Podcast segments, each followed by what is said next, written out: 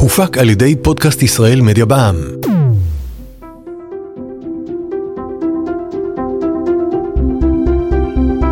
שלום וברוכים הבאים למטען חשמלי, הפודקאסט של חברת החשמל. במהלך העבודה על סדרת הפרקים העוסקת ברפורמה בחברת החשמל, הקלטנו שעות ארוכות של חומרי גלם, ובהן שיחות עם כמה מבכירי המשק הישראלי. עכשיו החלטנו לשחרר כמה מהשיחות שערכנו, והפעם הרעיון המלא עם עופר בלוך, מנכ"ל חברת החשמל משנת 2015.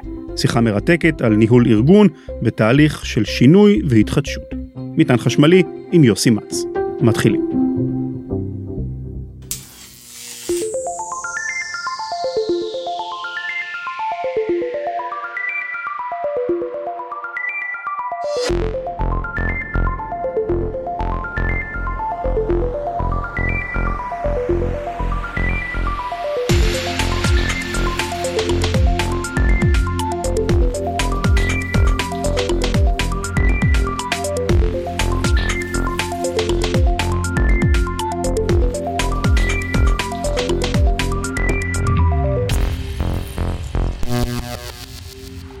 אני מציע עופר שנתחיל בך.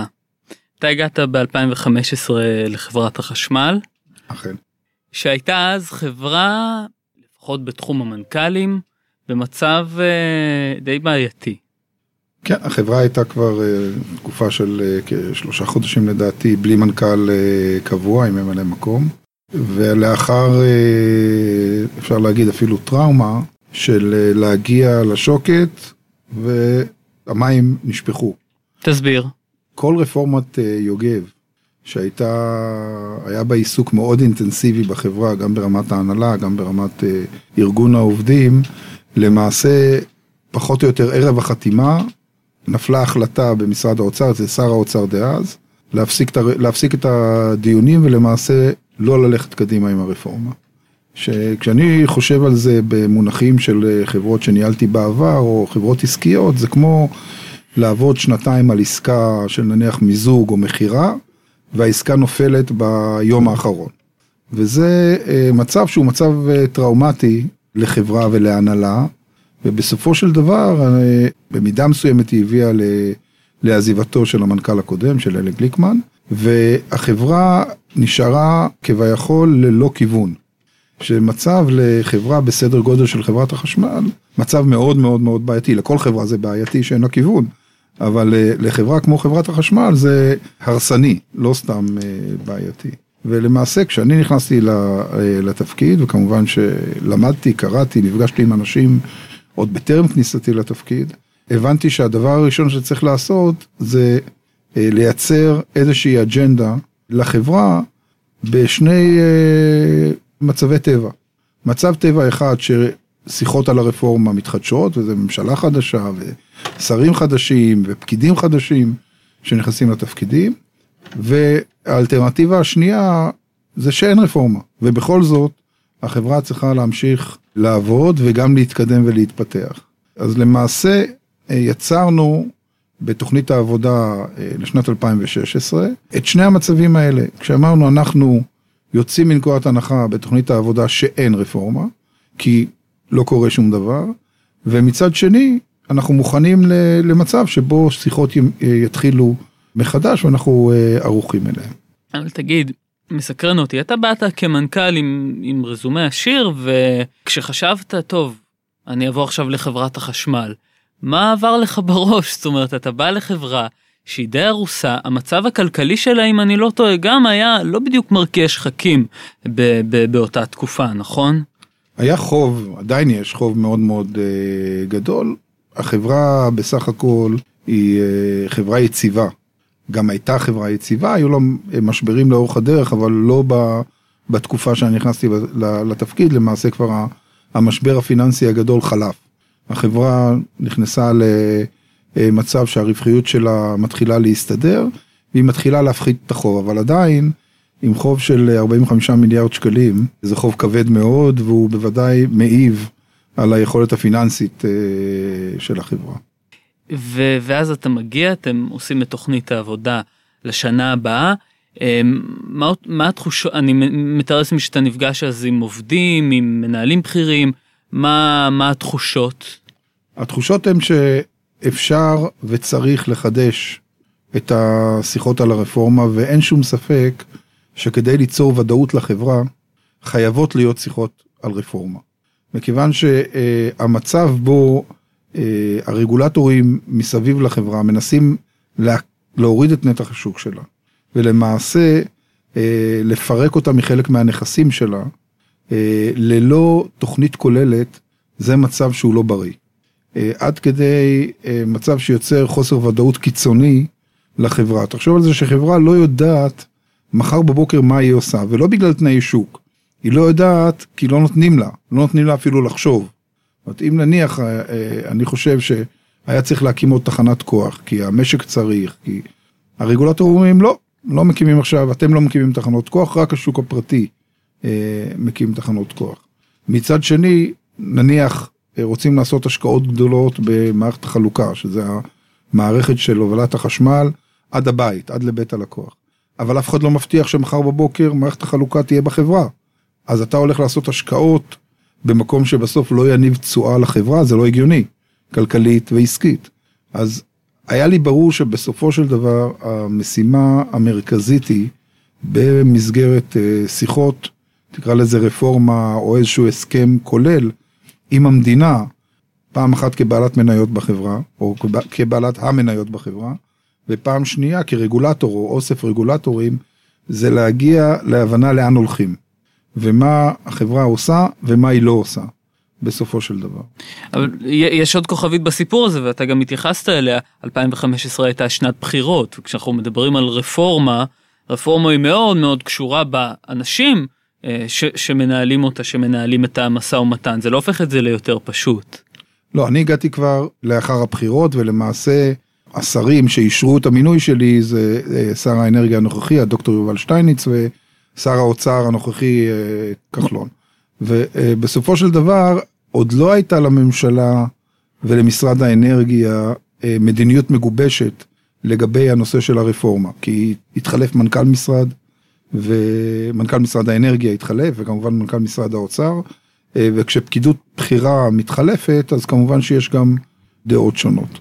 אבל תוך כדי המהלך אני מזכיר שב-2015 היה עוד אירוע של uh, הסערה של אוקטובר 15, שהיא יצרה, אני חושב, תמריץ מאוד גדול למדינה לפתור את נושא הרפורמה. מאחר והיה ברור שכדי להשקיע את ההשקעות הנדרשות במערכת החלוקה, ברשת למעשה, uh, חייבים לסדר את המצב הפיננסי של החברה וחייבים לתת לה כיוון. כי אחרת, עוד פעם, יהיו השאלות הרגילות, כמה משקיעים פה וכמה משקיעים פה, האם משקיעים בהטמנת קווים כדי למנוע הפסקות אה, חשמל, או משקיעים בייצור על מנת לייצר חשמל, אה, וכן הלאה וכן הלאה. ואני חושב שאז, בתקופה הזאת, התגבשה הרפורמה במתכונת מסוימת, והתחילו השיחות בראשית 2016 אה, למעשה, והמדינה באה בגישה מקסימליסטית, שאומרת, חברת החשמל היא רק רשת, והשוק הפרטי הוא ייצור. כלומר, הוצאת למעשה כל הייצור מחברת החשמל. ואני אומר לך את האמת, אה, כמנכ"ל, והייתי כבר קצת יותר מחצי שנה בתפקיד, זה היה הלם די גדול. לראות אה, מסמך ומצגת שאומרות למעשה בתוך תקופה של 6-8 שנים חברת החשמל יוצאת מכל הייצור, לי זה נראה מאוד בעייתי, זה נראה לי בלתי אפשרי לביצוע מבחינת העובדים ומבחינת ארגון העובדים, וזה נראה לי הרסני מבחינת החברה. כלומר, זה לא רק שהנקודה של העובדים, או ההכרה שהשותף הבכיר שלך, שזה ארגון העובדים בסופו של דבר, ויושב ראש ארגון העובדים, מיקו צרפתי, לא מסוגלים לחיות אה, עם מצב שבו כל הייצור יוצא בבת אחת מחברת החשמל. לא מסוגלים, בסופו של דבר, ארגון העובדים הוא גוף פוליטי. הוא גוף שצריך להיבחר. כל אה, ארבע שנים או חמש שנים זה לא משנה.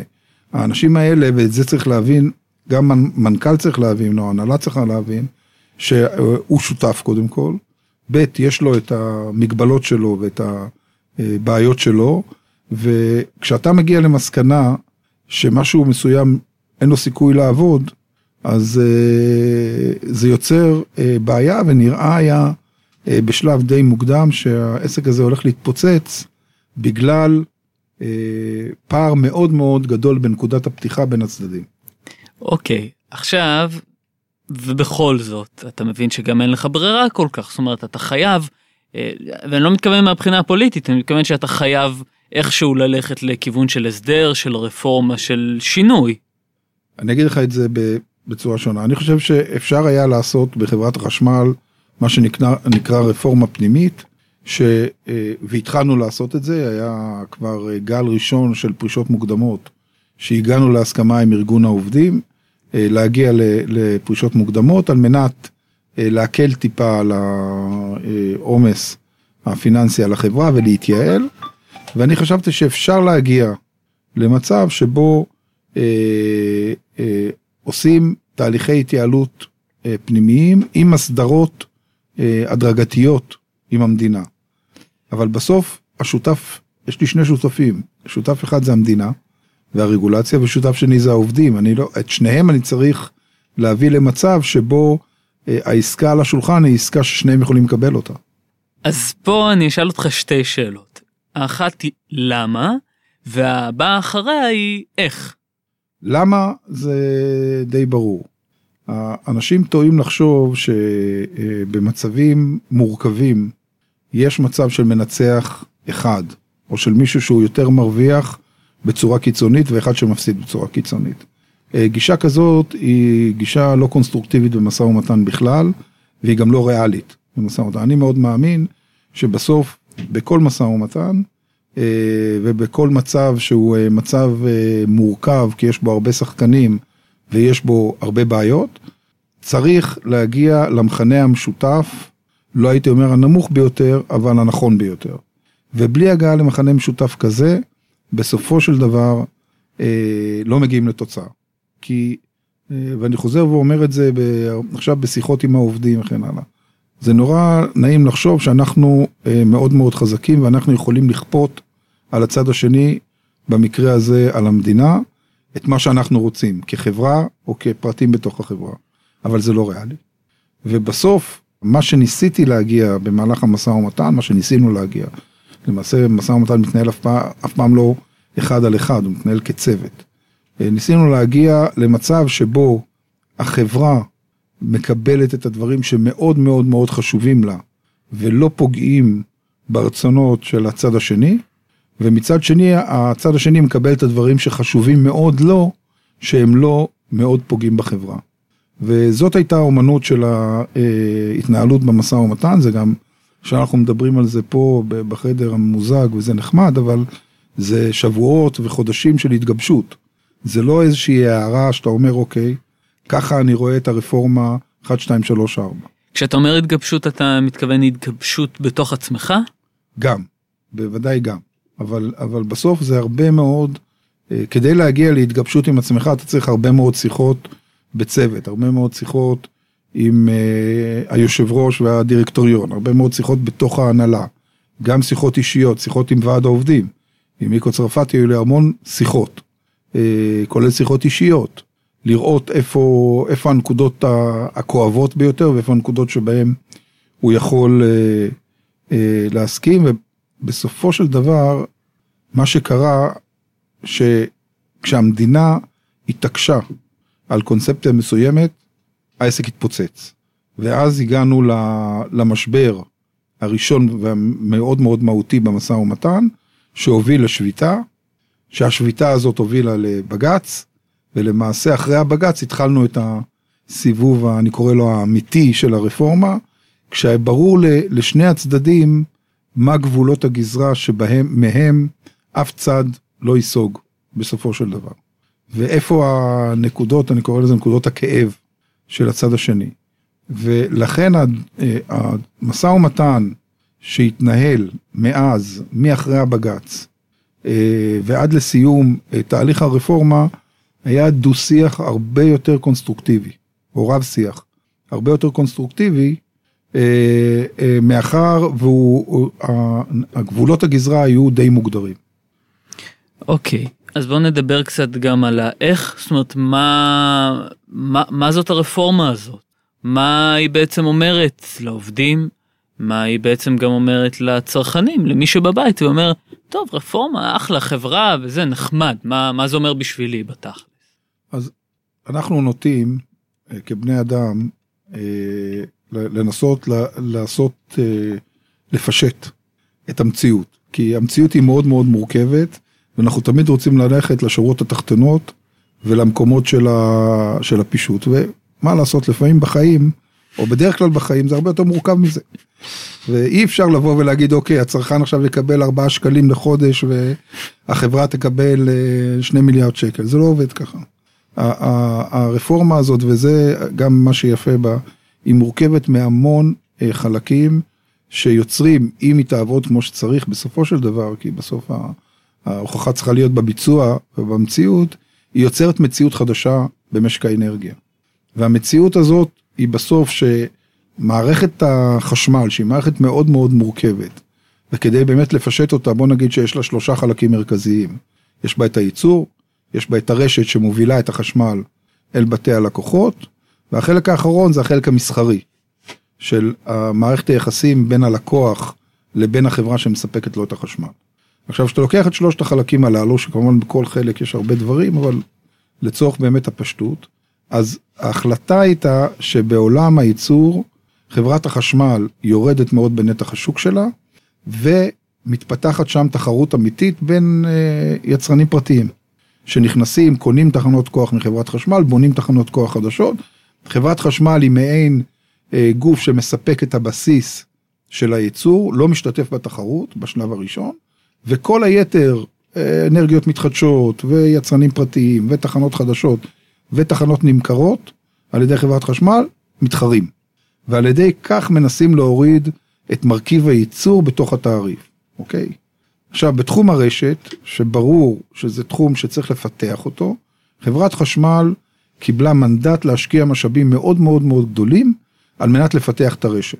ונדבר על זה אולי טיפה בהמשך, בגדול זה גם פיתוח תשתית של, ה, של הרשת וגם פיתוח השכל שעומד מאחורי הרשת, כי היום אה, הרשת זה לא אה, משהו דו-כיווני שמעביר חשמל מנקודה לנקודה, אלא רב-מימדי ורב-כיווני, כי החשמל יכול להגיע מהרבה מאוד מקורות, ולמעשה בפעם הראשונה במדינת ישראל, הלקוח עצמו יכול להפוך להיות יצרן, וזה מסבך מאוד את, ה, את העניין, כי חשמל באופן טבעי, בפיזיקה שלו, הוא לא אוהב שזרמים מנוגדים נפגשים באותו מקום, זה יוצר קצר, ו, וזה לא, לא דבר חיובי. אז כדאי למנוע את זה עד כמה שניתן אה, בסוף. ובחלק השלישי, שהוא החלק המסחרי, גם פה אמורה להתפתח תחרות. עכשיו, כל המרכיבים ביחד יוצרים, אם אנחנו מסתכלים על זה מנקודת המבט של הלקוח, של האזרח, בסוף, רשת הרבה יותר אמינה, שנותנת שירותים נוספים, או מסוגלת לספק שירותים נוספים אה, אל הלקוח, ללקוח, ומחיר סביר ביחס, נקרא לזה, לאיתנות של הרשת, ולשירותים שהרשת מספקת. אני אתן דוגמה. אפשר להגיע למחיר חשמל מאוד נמוך, אם עושים רשת שאומרים, אוקיי, תיקח בחשבון, שנניח כל יום יהיו שעתיים הפסקת חשמל.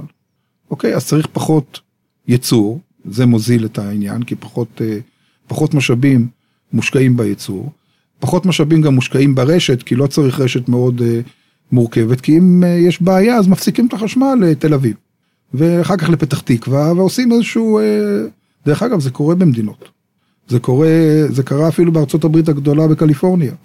אחרי ההפרטה הגדולה של קליפורניה וסיפור אנרון הידוע, אחד מפרשיות השחיתות המרתקות ביותר, ובמשך ימים שלמים היו הפסקות חשמל לסירוגין בקליפורניה, בשנות התשעים, אוקיי? וזה נשמע כאילו מדהים, אבל זה יכול לקרות.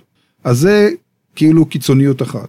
הקיצוניות, הקיצוניות השנייה אומרת, אני רוצה הכל אנרגיה ירוקה, מתחדשת, ובלי הפסקות חשמל.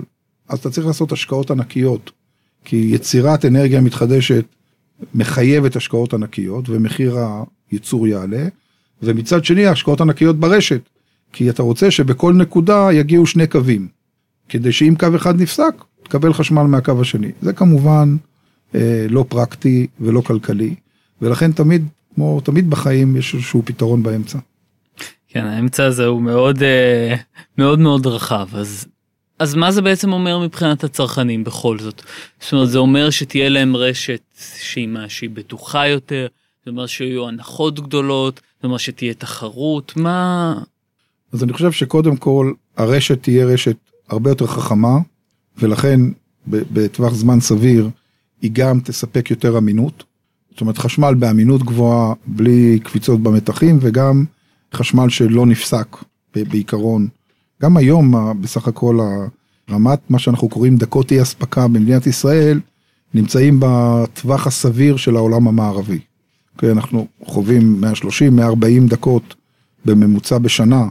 אי אספקה, אם תחשוב על זה, שעתיים אה, אי אספקה במהלך שנה זה פרומינים בודדים אה, מסך הכל השנה, אבל כמובן כשזה נופל בזמן שיש בחוץ אה, חם וצריך מזגן זה לא נעים. לכן אנחנו רוצים להקטין את זה, אבל עוד פעם, עם עלות תועלת סבירה. מצד שני, התחרות בפני עצמה אמורה ליצור ירידת מחירים. כי במצב תחרותי, שהוא, שהתחרות מגיעה אל הלקוח הסופי, שהיא לא נשארת ברמת, ברמה של בין החברות. ואז אה, משחק סכום אפס בין החברות, כלומר פעם אחת חברה אחת מרוויחה יותר ופעם אחת אה, חברה שנייה מרוויחה יותר, אבל זה לא מתגלגל בסופו של דבר ללקוח אה, הסופי. אנחנו רוצים להגיע למצב, הממשלה רוצה להגיע למצב שבו התחרות בייצור מורידה את עלות הייצור בסוף לכלל הצרכנים, והנושא של האספקה מאוד תלוי איך המדינה תיגש לזה, אבל יש פה שני מרכיבים. מרכיב אחד הוא באמת תחרות, זה כמו אם תרצה הסלולר. אה, נכנסה תחרות, אה, הקרטל של חברות הסלולר נשבר, והמחירים ירדו בצורה דרמטית. אז זה דבר אחד, זאת, זאת אה, אפשרות, למרות שהמרווח, בניגוד למה שהיה בסלולר, המרווח יותר קטן, כי בסיסית המחיר במדינת ישראל היום הוא מחיר סביר יחסית לעולם. זה לא מצב שהיה לנו בערב רפורמת הסלולר הגדולה, שבו אנחנו שילמנו אה, על, על הטלפון מחירים שהם גבוהים משמעותית מהעולם. פה זה לא המצב, אבל עדיין יש מקום כמובן להורדת מחירים ותחרות. מצד שני, אם תחשוב היום, אה, יש, אנחנו מגדירים בשיווק ובאסטרטגיה מוצרים עם אה, מעורבות רגשית גבוהה ומוצרים עם מעורבות רגשית נמוכה. דוגמה למעורבות רגשית גבוהה זה חיתולים לתינוקות. מאוד אה, מאוד מאוד בודקים אם החיתול הוא תקין, הוא טוב, הוא מתאים לאור התינוק וכן הלאה וכן הלאה וכן הלאה. ומוצר עם מעורבות רגשית נמוכה זה המים מהברז, אוקיי? כל עוד יש מים מהברז זה בסדר והם לא אה, מלוכלכים או, או מזוהמים. איפה החשמל? אז זה בדיוק, החשמל הוא בצד של המעורבות נמוכה. כי בסופו של דבר אתה מגיע הביתה, אה, לוחץ על הסוויץ' ואתה מצפה שיהיה חשמל, נכון? אם אין זה הפתעה, זאת אומרת זה משהו לא, אה, לא תקין. אתה לא חושב וואלה איזה יופי יש חשמל היום וכמה אני אולי אני אבקש חשמל יותר טוב או דברים מהסוג הזה אתה לא חושב על זה זה לחלוטין באוטומט שלנו. והמעורבות שלך היא רק כשמגיע החשבון. נכון? כשמגיע חשבון החשמל אז המעורבות עולה. זהו כי, כי זה, זה, זה בדיוק רציתי להגיד יש פה איזה, איזה סתירה כי דווקא כשמדברים על חברת החשמל, אם תלך עכשיו ברחוב תגיד למישהו חברת החשמל, אתה תראה מהר מאוד את הרגשיות שלו יוצאת החוצה. כן, אבל בוא נבדיל בין החברה לבין המוצר. המוצר שהחברה מספקת הוא מעורבות מאוד נמוכה.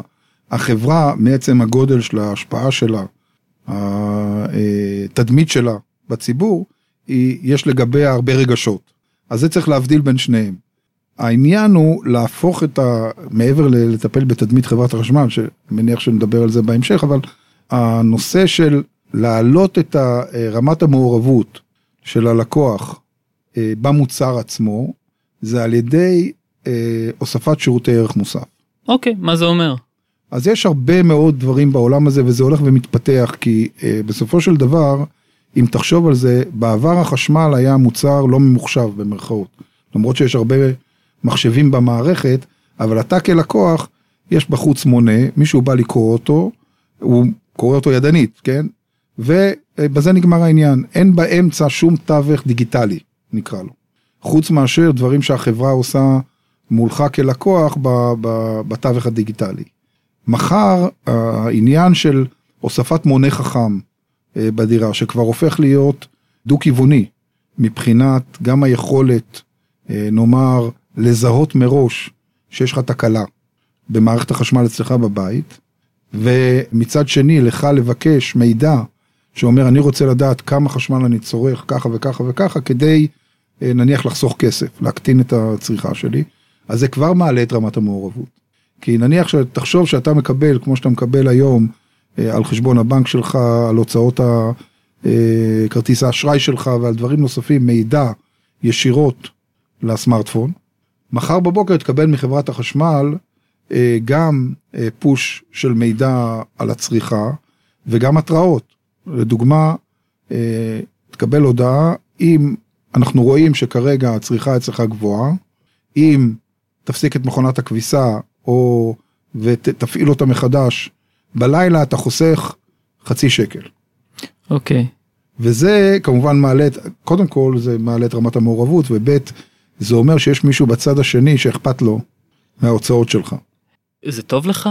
כי היום אני משלם על חשבון החשמל שלי ואני לא מי יודע מה שואל אתה יודע אני משלם אותו וזהו לא לא מתעסק איתך נכון כשיש בעיה אני מתקשר לחברה וזה וזה וזה אבל ביום יום אני באמת לא לא מעורב בזה עכשיו אתה תבוא לי עם התראות עם מיילים אני פתאום מתחיל להיות מעורב פתאום מתחיל לדעת מה קורה זה טוב בסוף כי זה גם גורם לך לעבוד קשה. אני, לך.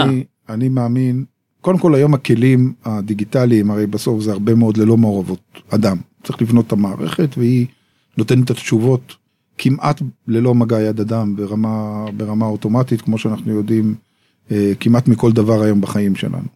אנחנו חושבים שאנחנו מדברים עם בן אדם אנחנו לא מדברים עם בן אדם, מדברים מכונה. אבל הנקודה המרכזית היא שאני מאמין שלקוח מעורב הוא לקוח יותר נאמן.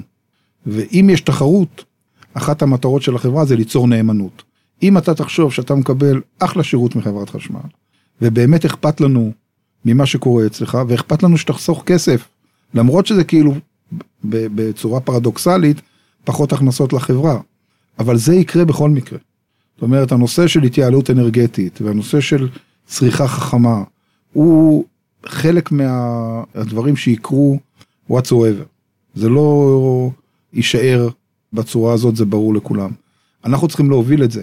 ולא להיות נגררים אחרי השוק ואחרי מה שקורה בעולם, אה, ואני מאמין שיש לנו את הכלים לעשות את זה. אני רוצה שרגע נדבר אה, על החברה עצמה ועל העובדים בה, וקודם כל, איך אתה גורם למספר כל כך גדול של עובדים לעבור שינוי שהוא בעצם מהותי. אז יש, בתהליך של אה, שינוי, אה, יש הרבה דרכים, אחד מהדברים המרתקים בעולם של, אה, נקרא לו גם מדעי ההתנהגות וגם מדעי הניהול, זה הנושא של ניהול שינוי. נושא שנכתבים עליו מאות ספרים ו, ועושים עליו אה, אלפי עבודות דוקטורט. ובגדול לאף אחד אין נוסחה כמובן, כי כל תהליך שינוי הוא שונה. הוא תלוי מאוד בחברה, בסביבה, בסיטואציה, ולכן, אבל יש כללים די ברורים אה, מה צריך לעשות. והעניין של לגייס אה, קודם כל קאדר, שהוא בדרך כלל קאדר של מנהלים ברמות השונות, שהוא יהיה המוביל של השינוי ומה שאנחנו קוראים סוכן השינוי, זה קריטי. בלי זה אתה לא יכול לרדת למטה. ולכן ה... כשאנחנו מתחילים את תהליכי השינוי, אנחנו קודם כל אה, משתפים את ההנהלה, מכניסים אותה, והנהלה, אני מדבר גם על uh, קבוצה של עד uh, הניהול בדרג הביניים, שהוא דרג מאוד מאוד מאוד חשוב, בעיקר בחברה מבוזרת וגדולה כמו חברת החשמל.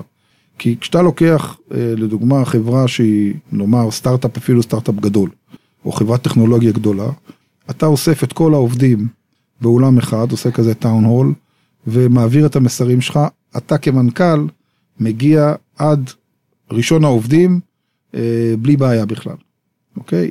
אה, ובמגע בלתי אמצעי, כולל אפשרות לשאול שאלות ולהתווכח ולעשות דיון.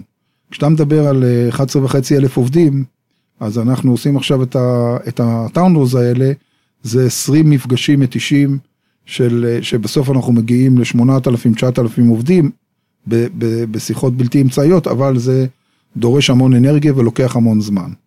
ואני לא מאמין שמסרים שהם בסוף יש בהם הרבה מאוד אה, נושאים של רגש, של אמפתיה, של אה, הבנה, אה, אפשר לעשות אותם רק באמצעים של מכתבים ווידאו ושיחות מרחוק. ופודקאסטים. כן, צריך לדבר, צריך פשוט לדבר עם האנשים, ולכן אתה מתחיל לחלחל את זה בדרך כלל מלמעלה, מניסיון לקחת דרג רחב ככל האפשר, שיהיה מחויב לשינוי, ולחלחל את זה יחד איתו אה, כלפי מטה לכל העובדים. זה תהליך ארוך, הוא תהליך שהוא גם צריך לראות שבתוך תהליכי שינוי בדרך כלל צריך לזהות את מי שהוא מפריע לשינוי.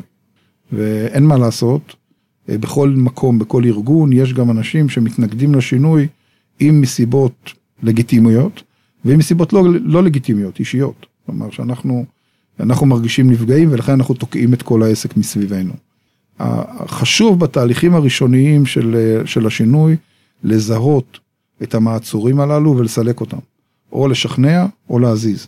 זאת האומנות של השינוי, כי בסוף אני מאוד מאמין שאם השינוי הוא נכון והוא טוב לעובדים ולחברה, הוא יעבור.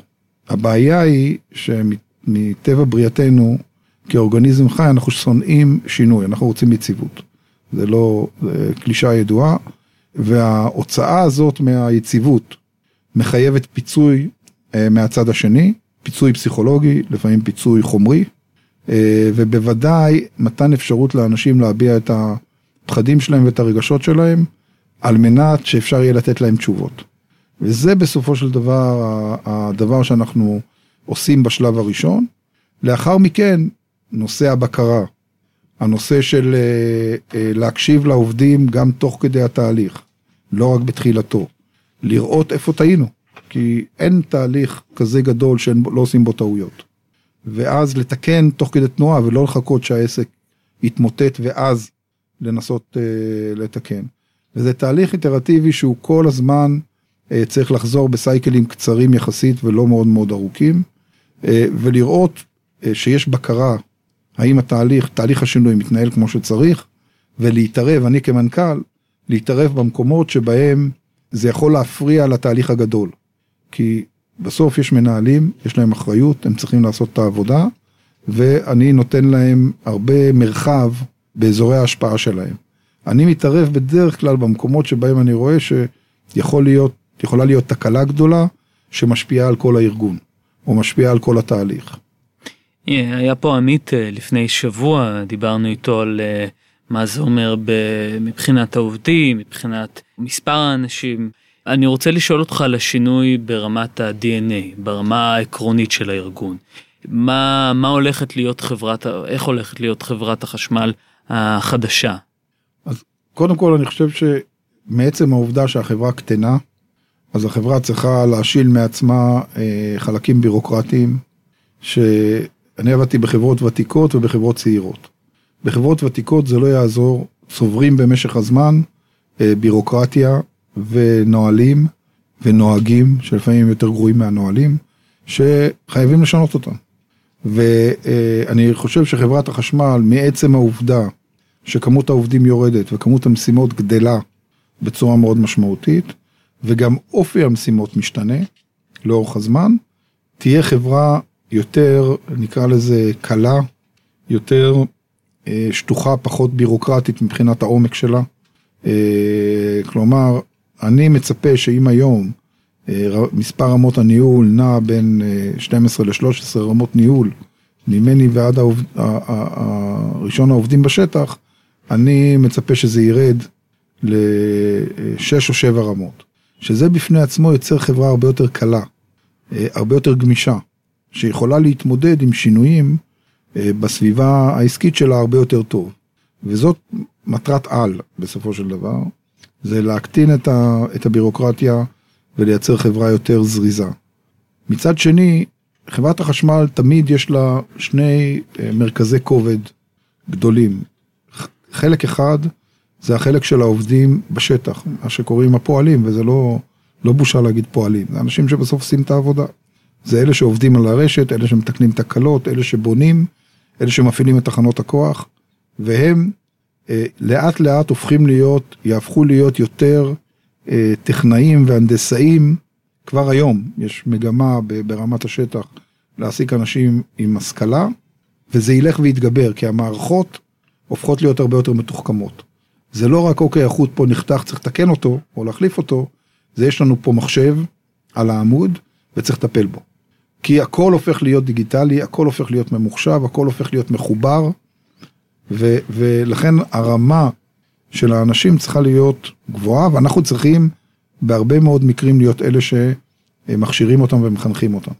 כי במדינה אין הרבה יכולת ליצור בכל המקצועות שאנחנו צריכים הכשרה מקצועית אה, מתאימה. לכן אנחנו פועלים היום מבית ספר תיכון ועד האוניברסיטאות וה, והטכניון ובתי ספר להנדסאים על מנת להכשיר אנשים. אז זה חלק אחד שהוא יותר נוגע לאנשי השטח. החלק השני הוא נוגע ל, ל, להנדסה ולתכנון ולתפעול היותר מתקדם של המערכות ברמה הגבוהה ביותר שלהם.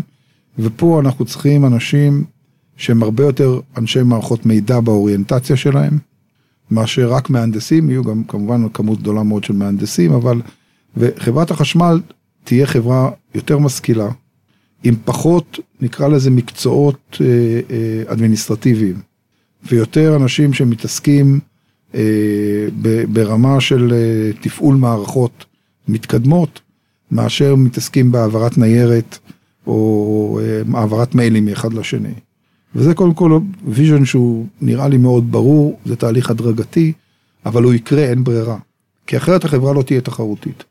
אבל יש פה עוד מימד, אה, וזה אם מסתכלים על ההיסטוריה של חברת החשמל, זאת חברה, אתה יודע, עם היסטוריה א' עשירה, אה, ב' היסטוריה ארוכה יחסית, אה, וגם היסטוריה של, אתה יודע, עובדים שהם מאוד פמיליאריות, במילים אחרות, מצד אחד, גם היבטים חיוביים פחות.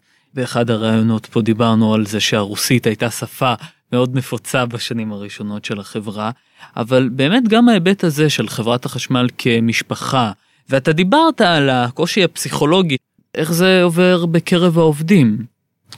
אני חושב שחלק מהשינוי שצריך להיות, והוא יקרה בהנחה שהרפורמה באמת תצליח במובן היותר עמוק שלה.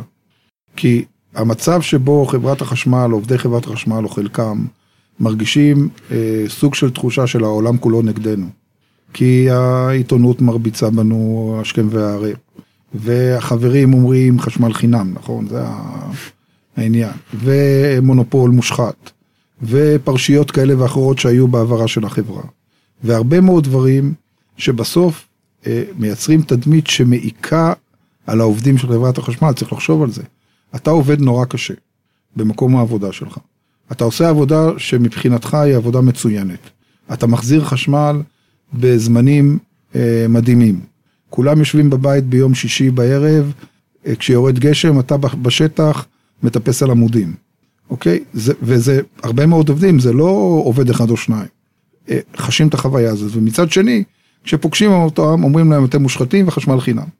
אז קודם כל, אני חושב שעצם הרפורמה, עצם העובדה שהציבור התחיל להקל שחברת חשמל זה לא מונופול דורסני ואכזרי, אה, ייצור אה, גם אצל העובדים תחושה יותר של פתיחות ושל אה, השתלבות בסביבה העסקית שמסביבם.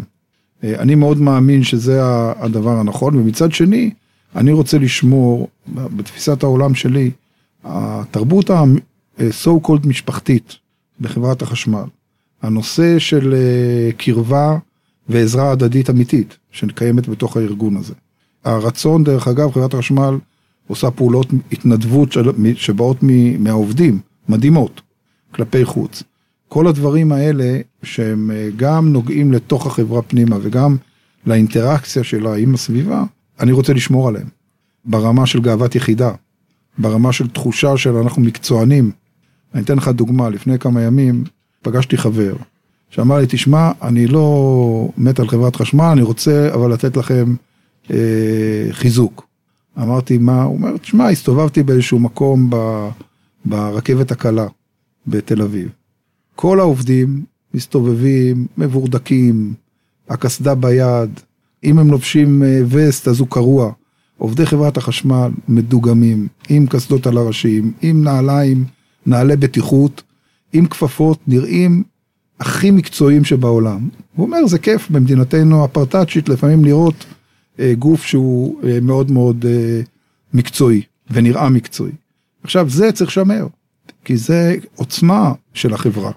אז נכון שלפעמים זה נראה שעד שמתארגנים ולוקח זמן, אבל בסוף צריך לזכור שהעובדים שלנו מתמודדים עם, עם מוצר או עם סביבה שהיא מאוד אה, בעייתית מבחינה, מבחינה בטיחותית. והדבר הראשון מבחינתנו זה כמובן ש, שכולם יחזרו בשלום.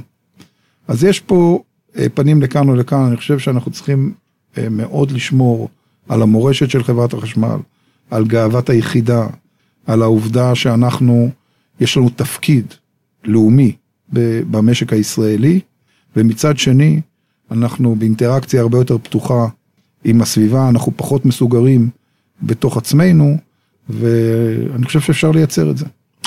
זה שאתה בא מבחוץ ולא מתוך החברה, זה עזר לך, או זה הזיק לך, או איפה זה עזר לך, ואיפה זה עזר פחות?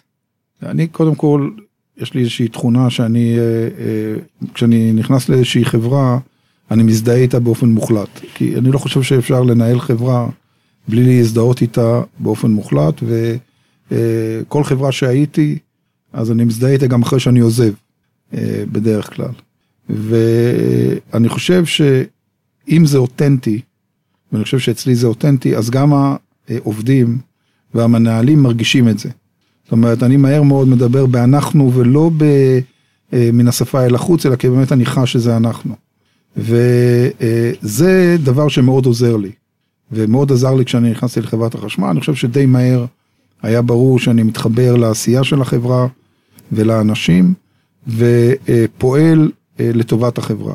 וזה הדבר המרכזי, שאם התחושה בחברה באופן כללי, זה שהמנכ"ל פועל לטובת החברה ומניעים שהם לא מניעים אה, אישיים, או חלילה מניעים זרים, אה, אז הוא מקבל שיתוף פעולה מאוד מאוד חזק, כי חברת החשמל היא חברה עם, עם תרבות שבה יש כבוד מאוד גדול אה, להנהלה, זו חברה היררכית, לפעמים במובן השלילי, אבל במקרה הזה במובן החיובי, יש כבוד לתואר מנהל או לתואר מנכ"ל.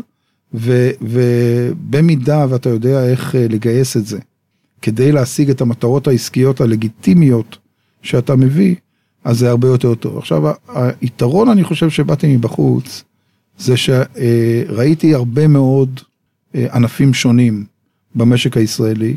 הייתה לי הרבה מאוד אינטראקציה עם חברת החשמל כלקוח, כתעשיין. אה, ודרך אגב, הרוב המקרים גם אינטראקציה חיובית. העובדה שראיתי חברות מתמודדות, או הייתי בתוך חברות שמתמודדות עם תחרות. בעוד חברת החשמל רק היום מתחילה ללמוד מה זה תחרות, מאפשרת לי להביא מה, מהניסיון הקודם שלי אה, דברים לחברה שהם אה, שונים ממה שמנהלים שגדלו בתוך החברה חווים. והתהליך הזה, אני מאוד מאמין בשילוב של אנשים מבחוץ ואנשים מבפנים. היתרון של אנשים בפנים הוא ברור, זה היכרות, זה אתה גם מכיר את הבן אדם וגם הוא מכיר היטב את הארגון. היתרון שמביאים אנשים אה, מבחוץ זה אה, היתרון של רעננות, של אה, הכנסת שינויים, של הכנסת שיטות חדשות, חשיבה שונה. ואני חושב שהשילוב הזה הוא שילוב מנצח בסופו של דבר. איך, אה, איך עברו עליך שלוש השנים האחרונות? מבחינת מצב התשישות בעיניים, מבחינת מספר כוסות הקפה ביום, שעות השינה בלילה. אני, אחד, זה סופר מעניין, קודם כל. זאת אומרת, אני אומר, מי שיש לו את החיידק הזה של ניהול, אז חברת החשמל היא שדה המשחקים הכי גדול למנהלים. כי היא חברה ענקית, היא כחברה מגוונת, אה, גם מבחינת הרכב כוח האדם שלה, גם מבחינת המשימות, גם מבחינת הסביבה. אנחנו מטפלים בסוף או מטופלים על ידי 27 רגולטורים, זה מספר דמיוני. וכל אחד וכל תחום אה, דורש את תשומת הלב. אז אני, אה, מאוד מאוד מעניין לי, ותמיד היה מעניין לי מהיום הראשון שהגעתי לחברה, לא השתעממתי דקה, וכשאתה לא משתעמם ומעניין לך, אז אני אגיד שאני לא הגעתי למצב של תשישות. אה, כן, יש רגעים שאתה מאוד עייף, יש רגעים שאתה אומר, רגעים שהם יותר קשים, אז זזים הצידה, או הולכים הביתה, ומתאוששים. אני לא בן אדם שמתקשה להירדם, להפך, אין לי בעיה. אה, לא נותן למחשבות השליליות אה, להשתלט עליי. אני בן אדם אופטימי מטבעי, תמיד הייתי, ואני חושב שעצם העובדה שאתה אופטימי, אבל אתה גם אה, יודע, או חושב שאתה יודע לאיזה כיוון צריך ללכת, אז זה אה, עוזר. עכשיו, זה לא אומר שאין רגעים של משבר, והיו במשא ומתן המאוד ארוך הזה, בלילות שלמים של בסוף מגיעים לצעקות ולווליום באמת נורא, וגם לדברים אישיים לא נעימים, עם אנשים מולך. ואתה לפעמים אה, מתרגז מאוד, כי אכפת, וגם הצד השני מתרגז מאוד, כי אכפת גם לו, ומגיעים לקלאשים מאוד גדולים, אז אתה אומר, לפעמים אתה אומר, וואלה, בשביל מה צריך את זה? או כביכול, מה... אה, למה להתאמץ? הצד השני לא מבין ולא יודע ולא זה ולא פה ולא שם, יש לנו המון תירוצים. אבל בסוף אם אתה ממוקד במטרה, שאומרת אני רוצה להגיע להסכם, אני רוצה להגיע להסדר, תגיע לשם. אני מאוד מאמין שתגיע לשם. גם התחושה שלי בשלב די מוקדם בתהליך האחרון, בשנה האחרונה למעשה, זה שכל השותפים היו מאוד ממוקדים לא באגו שלהם, אלא ברצון להגיע להסכם. וכששמים את האגו בצד ונותנים לעובדות ולצרכים להכתיב את, ה, את ההתנהלות במשא ומתן, זה הרבה יותר קל. וכשיש משברים, אז אני אומר, אתה יודע שאתה במשבר, אתה יודע שהמשא ומתן נניח במשבר, או שהחברה נכנסה לאיזושהי מצוקה, צריך לעצור, לבחון את הדברים, לנסות לחשוב ברגעים האלה יותר רציונלית מאשר רגשית, לא תמיד אפשר להפריד. ואז לחזור בחזרה ולנסות להניע, והיה לנו כמה משברים, היה לנו משבר ענק במהלך המשא ומתן אה, בשאלה איזה תחנות כוח אה, יימכרו. כי פה ארגון העובדים, יש לו גם שיקולים פנימיים שלו, של איזון, וגם אה, למדינה יש צרכים שלה, כשהיא ראתה אותם, שהיא חשבה עליהם, איזה תחנות יימכרו, והגענו למשבר נוראי. ואז אני כבר הייתי בתחושה שיכול להיות שאנחנו מפספסים את כל המשא ומתן, והלכתי לרגולטורים אחרי שעשינו איזושהי התייעצות פנימית, והצעתי איזושהי הצעה, שאני בכלל לא בטוח שהייתה הצעה טובה, אבל היא הניעה מחדש את המשא ומתן, ואפשרה בסוף להגיע בנקודה המאוד קריטית הזאת להסכמה, זו הייתה פריצת דרך מאוד גדולה אה, במשא ומתן, ההסכמה איזה תחנות כוח אה, נמכרות בסוף ובאיזה סדר. ו, וזו דוגמה אחת והיו עוד עשרות דוגמאות. החוכמה היא שכל פעם יהיה מישהו שידחוף את העגלה החוצה מהבוץ, כשהיא נתקעת. אז פעם זה, זה יפתח, היושב ראש שנרתם מאוד לעניין הזה, פעם זה אני, פעם זה אה, שיחה עם מישהו מהמדינה, אומר, תשמע, זה טוב, תוציא את, את הנושא הזה, בוא נסיים אותו. ובסוף, מכיוון שהכל אישי, אז אה, מערכת היחסים האישית, האינטראקציה הבין אישית, העובדה שאתה מאמין שהצד השני בסוף יש לו גם כן אה, את הצרכים שלו, אבל הוא רוצה את טובת העניין, והוא רוצה להגיע להסכם, ברגע שיש לך מישהו שלא רוצה להגיע להסכם, זה כמו שמה שדיברנו מקודם על מי שלא רוצה להגיע לשינוי. אותו דבר, צריך להזיז אותו הצידה.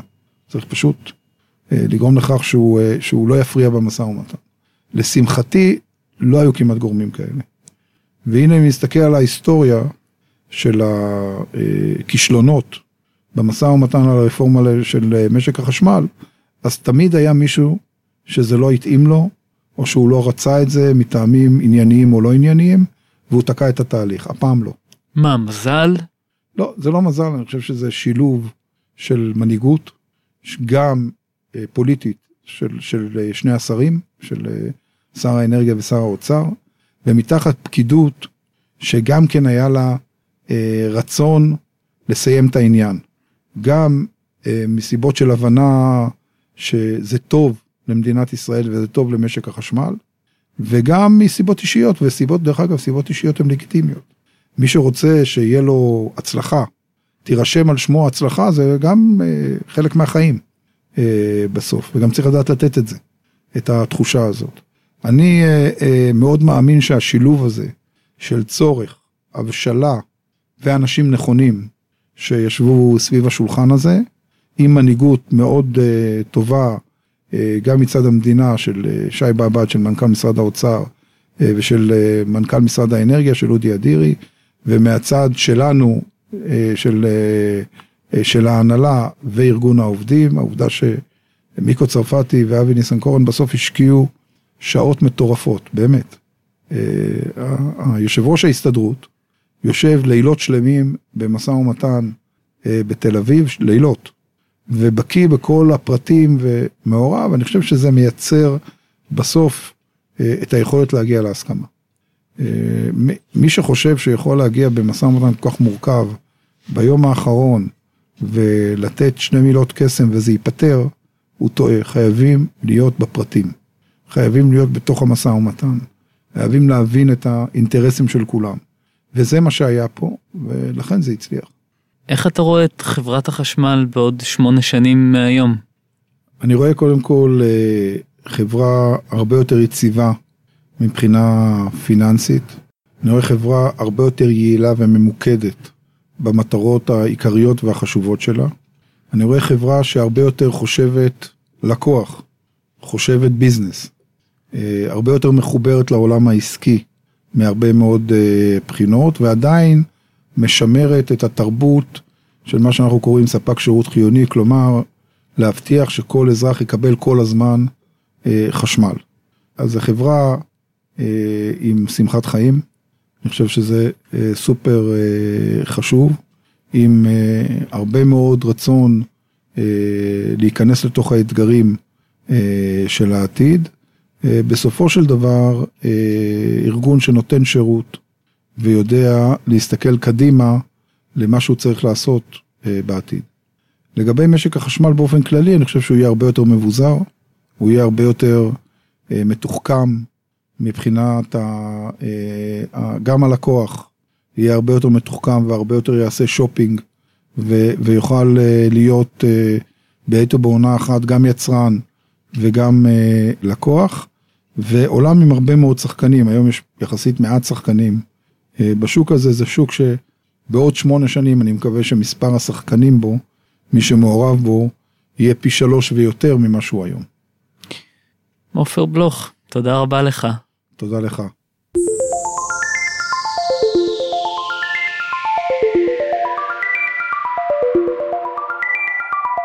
מטען חשמלי, העורכת הראשית דליה בודינגר, דוברת חברת החשמל. מפיק ראשי ותסריטאי יוסי מצ.